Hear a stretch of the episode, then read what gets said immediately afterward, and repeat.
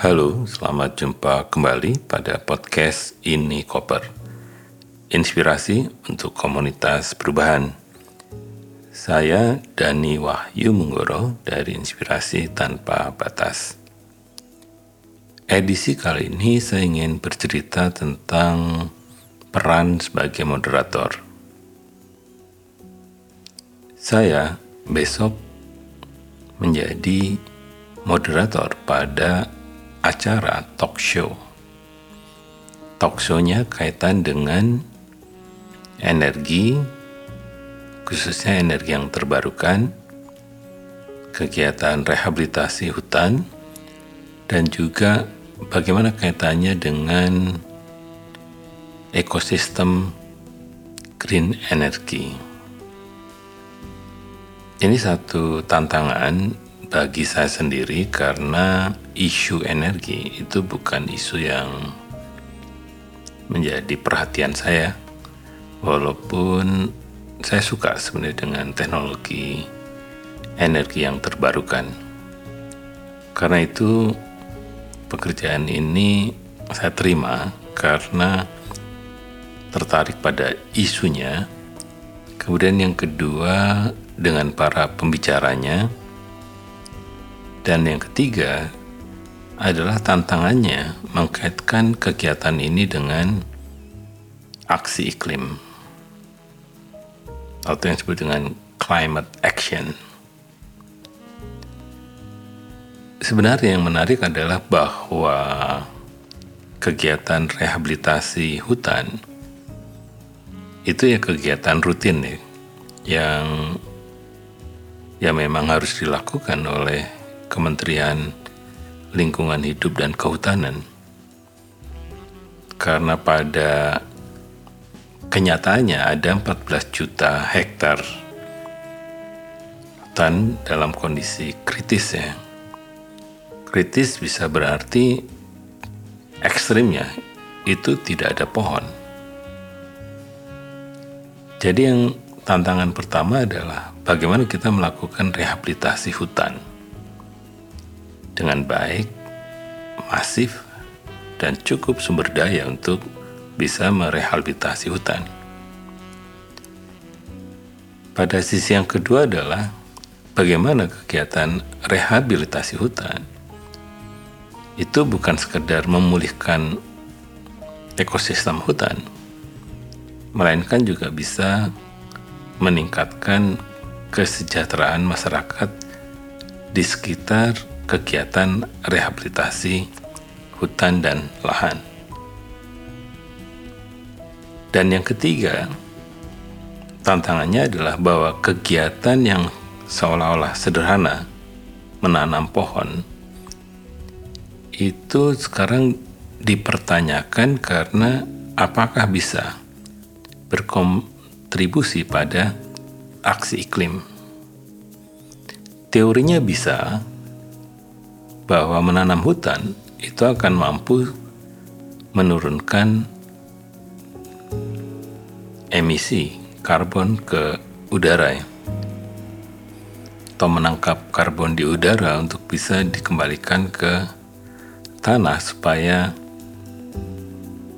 stabil. Nah, kegiatan rehabilitasi hutan itu tidak percaya diri bahwa ia bisa berkontribusi seperti itu karena jika kita menanam hutan sekarang itu baru berfungsi boleh jadi 5 sampai 20 tahun ke depan. Jadi kadang kegiatan rehabilitasi hutan walaupun sangat penting di dalam aksi perubahan iklim itu ditaruh di paling buncit karena yang dibutuhkan sekarang adalah kegiatan hari ini yang langsung bisa menurunkan emisi karbon. Nah, di sisi lain, emisi karbon tidak serta merta sebenarnya kaitannya dengan hutan-hutan yang kritis ini. Jadi ceritanya sebenarnya adalah untuk secara keseluruhan KLHK itu bisa berkontribusi pada perubahan iklim, asal hutan-hutan alam yang ada sekarang itu bisa dipertahankan saja, itu sudah sangat baik. Gitu. Nah tantangannya adalah bahwa Indonesia kan masih membangun ya, masih membangun itu artinya membutuhkan lahan, membutuhkan hutan untuk diubah menjadi berbagai hal atau berbagai kegiatan ekonomi bisa mulai dari kegiatan perkebunan, pertambangan, dan juga pangan. Nah, dengan cara atau dengan tantangan seperti itu, memang kegiatan rehabilitasi hutan itu menjadi penting kita percakapkan hari ini karena apakah kegiatan yang sifatnya rutin dan saya tidak yakin juga kalau anggarannya juga memadai gitu ya. Karena dulu saya pernah menghitung kalau kita biarkan saja pemerintah melakukan sendiri pekerjaan rehabilitasi hutan dan lahan itu kita butuh 500 sampai 600 tahun supaya hutan itu bisa ditanami semua. Dan kalau kita hitung presentase, presentase keberhasilannya, itu boleh jadi butuh seribu tahun untuk melakukan rehabilitasi hutan. Jadi di sini sebenarnya tantangannya adalah anggaran kecil, lahan kritis luas, masyarakat masih hidup di dalam ya kemiskinan ya masyarakat masyarakat marginal di sekitar hutan itu. Kemudian ada tuntutan aksi untuk iklim terutama di sektor lain kan sebenarnya bahwa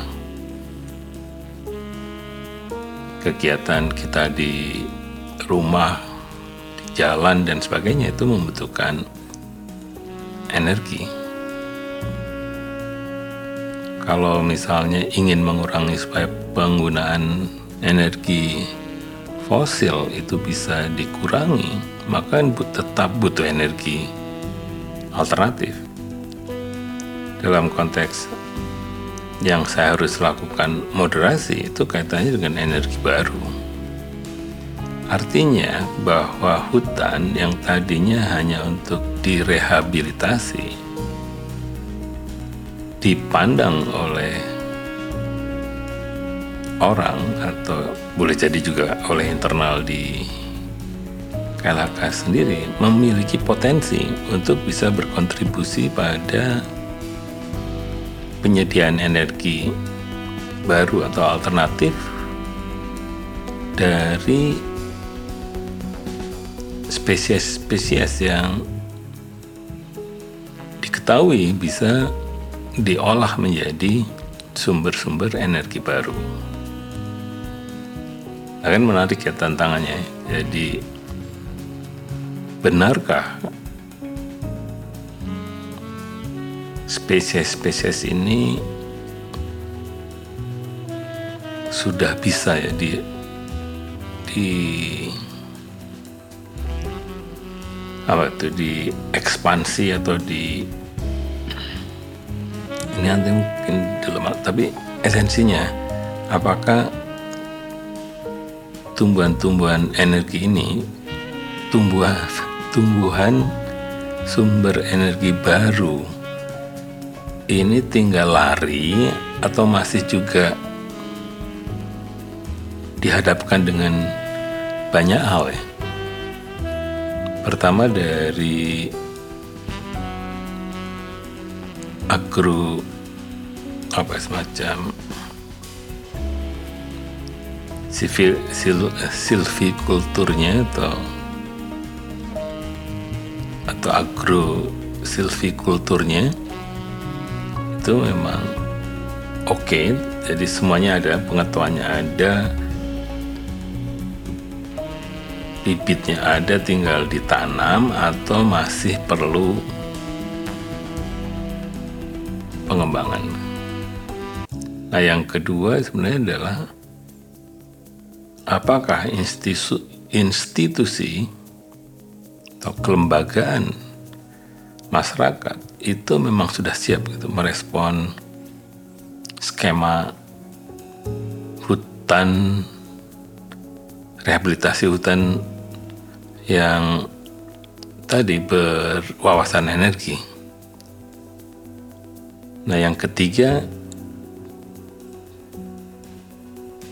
kalau iya, apakah kelembagaan negara sendiri memiliki kebijakan yang sudah komprehensif ya, untuk membuat gagasan ini lari kencang gitu.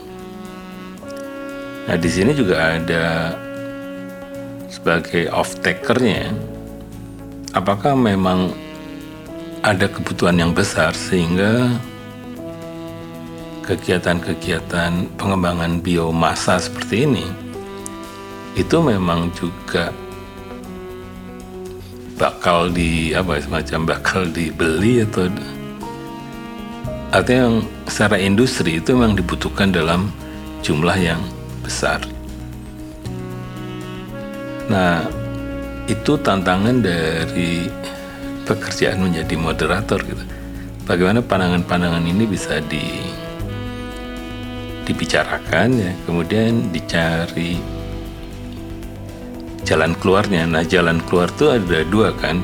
Jalan keluar dalam pengertian startup baru mulai atau jalan keluar dalam konteks growth tumbuh gitu atau dia sebenarnya sudah mature tinggal